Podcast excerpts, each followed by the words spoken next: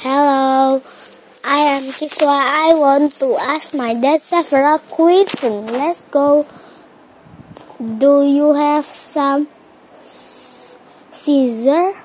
Yes, I do. Do you have a pencil? No, I don't. Do you have some paper? Yes, I do. Bye bye.